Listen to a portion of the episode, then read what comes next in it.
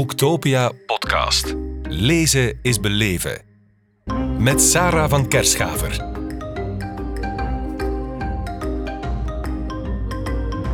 Lotte Dodion, welkom in onze podcast hier van op Boektopia in Kortrijk. Dankjewel.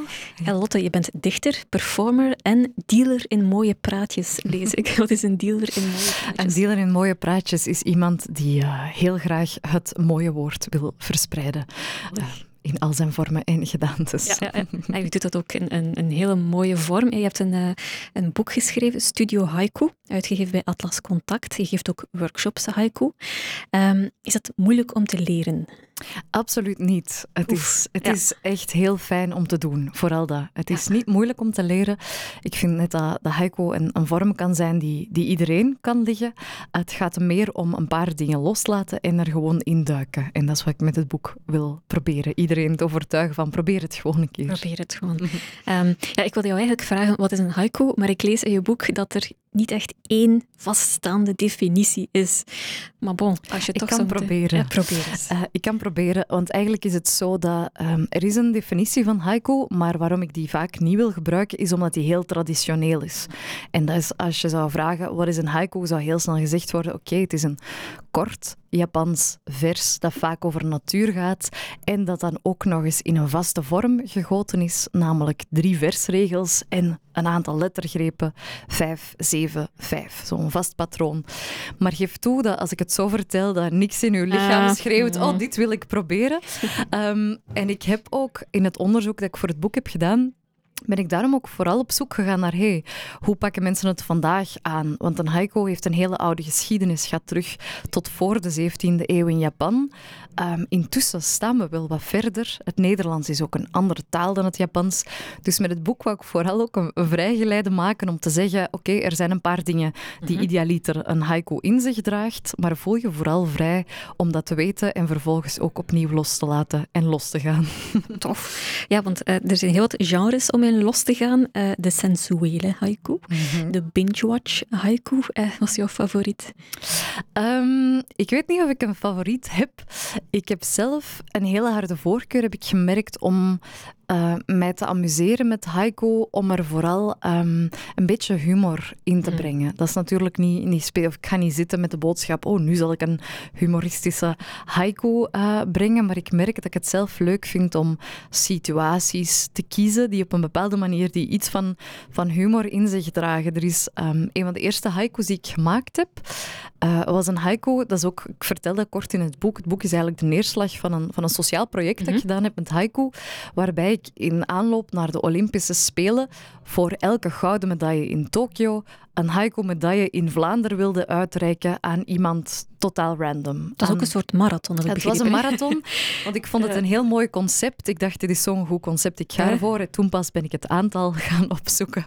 Er zijn 962 medailles uitgedeeld. Er zijn ook 962 haiku-medailles uitgereikt, meer zelfs ook.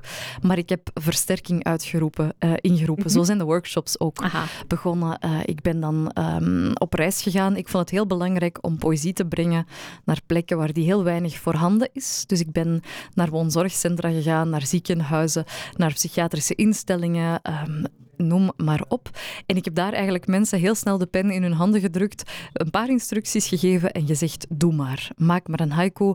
En dat maakte zoveel enthousiasme los dat ik uh, dacht, ah, ik wil dat in het boek mm-hmm. die instructies wel weergeven, zodat ook wanneer ik stop, misschien gaat mijn haiku-fase wel, wel voorbij, maar dat het nu een boek is waar je in kan bladeren en dat gewoon uitnodigt van zet u even, lees een stukje en ga erin aan de slag en probeer het gewoon. En tekenen zich dan bepaalde trends af? Zijn er bijvoorbeeld um, herkenbare woonzorgcentrum haiku's?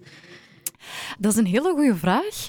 Uh, ja, wat je natuurlijk wel ziet in de, in de trend van alles wat in het project uh, zich heeft afgespeeld, is dat de haiku zijn waarin mensen redelijk centraal staan. Mm. Omdat het ook logisch is, de insteek was van ja, je geeft eigenlijk de medaille als een soort cadeautje.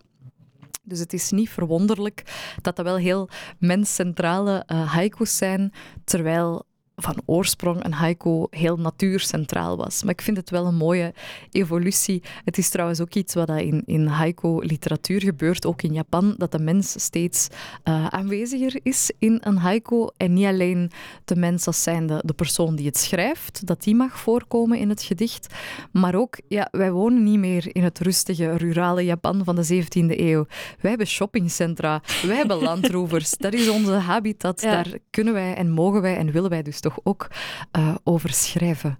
Dus ook die trend zit er dan misschien zit er dan wel in. Ik denk dat er vooral voor mij uitspreekt dat er veel enthousiasme en veel plezier uit de haiku's uh, van het project spreekt omdat ik, en dat vond ik ook een belangrijke, ook in het boek, het was niet mijn ambitie of mijn insteek om te zeggen laten we al onze tijd en energie steken in zo perfect mogelijke hm. haiku's schrijven. Integendeel, ik had net het gevoel van dit is nu zo'n vorm die veel meer zou kunnen en mogen zijn als we loslaten dat we van bij het begin een perfecte hm. eh, vorm willen, willen benaderen.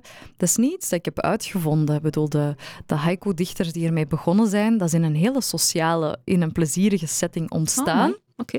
Eigenlijk is het, uh, dat is nu echt geschiedenis in twee seconden mm samengevat, gevat, maar de haiku is ontstaan uit een vorm van kettinggedicht die een renga heet en die eigenlijk betekende dat in adellijke middens op feestjes samen poëzie werd geschreven, wat ik fantastisch vind, het, sociale aspect uh, ervan. En die haiku is dan langzaamaan op zichzelf um, beginnen staan en zo is die beginnen, ja, beginnen vertakken. Wat een rijkdom. Ja. Want als je mij zou vragen, spontaan, hè, waaraan denk je als je aan een haiku denkt? Herman van Rompuy. Ja, de, echt, het is de nummer één reactie. Nu, ik moet zeggen, ik vind dat Herman van Rompuy ook een paar prachtige haiku heeft ah, geschreven. Maar wat ik zelf nu belangrijk vind, uh, wat ik merkte, is ik heb honger naar wat gebeurt er buiten dat kader dat mhm. ik ken. Wat gebeurt er? Er zijn prachtige klassieke haiku, maar ik voelde het vooral prikkelen en te denken van, er is toch niet niks nieuws gebeurd sindsdien. Dus ik ben beginnen duiken en ik ben heel blij tot prachtige ontdekkingen gekomen. Er zijn feministische haiku, er zijn politieke haiku, er is anti oorlogshaiku geschreven. Niet gek. In een mhm. periode na, na Hiroshima, na de Tweede Wereldoorlog, dat ook in Japan dat hele wereldbeeld op zijn kop stond. En dat je dat ook in de poëzie ziet. Net zoals in onze poëzie ook de impact van de Eerste Wereldoorlog een hele grote is geweest om het hele denken op de maatschappij en ook over, over kunst te veranderen. En dat is zo een fantastisch en zo'n schone dingen geschreven, dat ik het zonde vind dat die nauwelijks vertaald zijn. Ik heb in mijn boek een paar dingen vertaald met behulp uh, vaak vanuit het Engels of het Frans of het Duits. In het Nederlands kom je heel snel terug in de compendiummetjes van ja, de, de vier klassieke oude Japanse mannen die hm. prachtige dingen hebben gemaakt. Maar laten we eerlijk zijn, we zitten wel in een andere eeuw, op een andere plek. Het mag meer zijn. Absoluut. En heb je zo'n voorbeeld van uh, een haiku die jij Oh, geweldig vind. Ja, ik, um, ik weet er verschillende, maar omdat ik nu spontaan um, niet weet of ik hem uit mijn hoofd kan, op rustige momenten wel. Maar we hebben net schrijfworkshops gedaan, dus, ah, mijn, dus mijn hoofd zit vol. Tintelt, maar er, uh, ik weet ook nog niet zo van buiten wat uh, op welke pagina staat. Ik ben op zoek naar een hele specifieke haiku van een uh, Japanse dichteres, een vrouwelijke dichteres, die op dit moment wel heel bekend is in, in Japan. Zij is zo ongeveer 60, niet dat het uitmaakt, mhm. maar het geeft wat een, een kader. En zij is eigenlijk een beetje een, een, celebrity in Japan. We kennen haar hier niet, maar zij heeft een prachtige gemaakt die voor mij dat, dat vrouwelijke wereldbeeld ook ben, integreert. Heel benieuwd, want ik heb ook gelezen in je boek dat uh, er zoiets bestaat als een intern haiku-ritme. Dus als jij gaat voordragen, ga je iets horen. Over jouw hartritme of, of een ander ritme. Ik ook. Alleen ben ik echt nu aan het bladeren en aan het bladeren en aan het denken, waar staat ze? Uh, ik heb wel een index gemaakt voor momenten zoals, zoals, zoals deze. deze. in een uh, podcaststudio. Ja. Nee, nee, absoluut. Het hoort ook wel bij de haiku om zo'n klein moment van dus spanning stilte te introduceren. Zoeken. Ja. Met de drie zinnen. Want ja, dat is het toch wel, hè? Ja, dat is alles. Ja, letterlijk. Ik vind hem niet. Ik ga hem even in mezelf oproepen en hopen dat hij opkomt. Ja, heel benieuwd. Ja, ik ga het proberen. het is een haiku van Mayazuma Madoka en gaat als volgt. Een badpak kiezen. Wanneer hebben zijn ogen de mijne vervangen? Punt. Punt. Ja. En dan soms in klassieke haiku-middels doen ze twee keer na elkaar, zodat je dan als luisteraar nog eens de haiku Ah. ten volle kunt ervaren. Maar radiotijd is kostbaar. Absoluut. Wordt de haiku onderschat, volgens jou? Ja, dat denk ik wel. Of dat is ook de reactie die ik krijg. Er zijn veel mensen, en dat is leuk om te merken, die al iets hebben met haiku. Het is, je moet echt niks van haiku weten om ermee te starten. Maar het is leuk om te merken dat mensen die er al lang mee bezig zijn ook naar het boek grijpen. En die laten mij ook weten van, ja, het is echt moeilijk als wij bijvoorbeeld haiku's gepubliceerd willen krijgen. Het is een genre dat in Nederland en in Vlaanderen niet zo heel eh, serieus wordt genomen. Dat is een reactie die ik wel vaak ehm, krijg. Van mij is het een beetje vanuit een andere insteek begonnen. Ik weet niet of ik zelf van plan ben om veel haiku's te bundelen. Maar ik, ik, het boek is af, ik vind het nog steeds heel leuk. Dus ik heb zo'n vermoeden dat in mijn volgende dichtbundel wel eens een hoofdstukje Mhm. haiku zou kunnen verschijnen. Omdat er zoveel mee kan. Eh, veel meer dan dat we voor mogelijk houden. Ik hoop het, want het, is, eh, het werkt zeer aanstekelijk. Het is ook prachtig vormgegeven, jouw handleiding voor haiku-avonturiers. Ehm, ja, die, maar die haiku, misschien tot slot, die haiku is zo verweven met het oosten. Ehm, ja, de natuur, je hebt het zelf ook al gezegd, de manier van leven. Zijn wij Westerlingen daar wel voor gemaakt? Zit ons ritme wel juist om daarmee aan de slag te gaan? Dat is een hele goede vraag. Je zou kunnen zeggen nee, maar dat zou ik zonde vinden Ja. om het niet te proberen.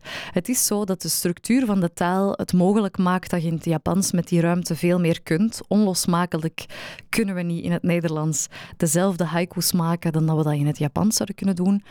Maar dat hoeft niet te betekenen dat het niet Mhm. waardevol kan zijn. Wij kunnen er andere dingen mee doen. En een leuke daarin is, in, in september was ik in Tokio en dan heb ik grappig genoeg een haiku-workshop gegeven aan Japanners. Ik spreek geen Japans. Ik had er iemand bij die prachtig vertaalde, Engels-Japans. En dat maakte dat meteen heel duidelijk. Zij gingen aan de slag en konden daarna uitleggen, want dan moesten ze eigenlijk gewoon uitleggen wat in de haiku stond. En dan merkte je meteen van oké, er is veel meer speelruimte in het Japans om dubbele betekenissen, om veel meer boodschap in weinig content te brengen, omdat de taal anders werkt. Maar tegelijk bijvoorbeeld eh, de spitsvondigheid die dan in mijn haiku zat, was voor hen iets waarvan ze dachten, dit zou niet eens in Mhm. ons opkomen, eh, dat dat kan. Dus ik durf te denken dat wij ook iets bijdragen of iets anders toevoegen aan het genre. Dus het mag zeker wel. Ik voel ook een nieuwe workshop opkomen waarbij een Japanner hier bij ons eh, Guido Gezelle workshops Amai, komt geven. Wie weet wat Ja. er dan uit staat. nee, nee. Lotte Dodion, hartelijk dank om hier te zijn en te praten over Studio Haiku. Graag gedaan. Boektopia podcast. Lezen is beleven. Beluister ook de andere podcasts live opgenomen op Boektopia 2022. Nu via je favoriete podcast-app.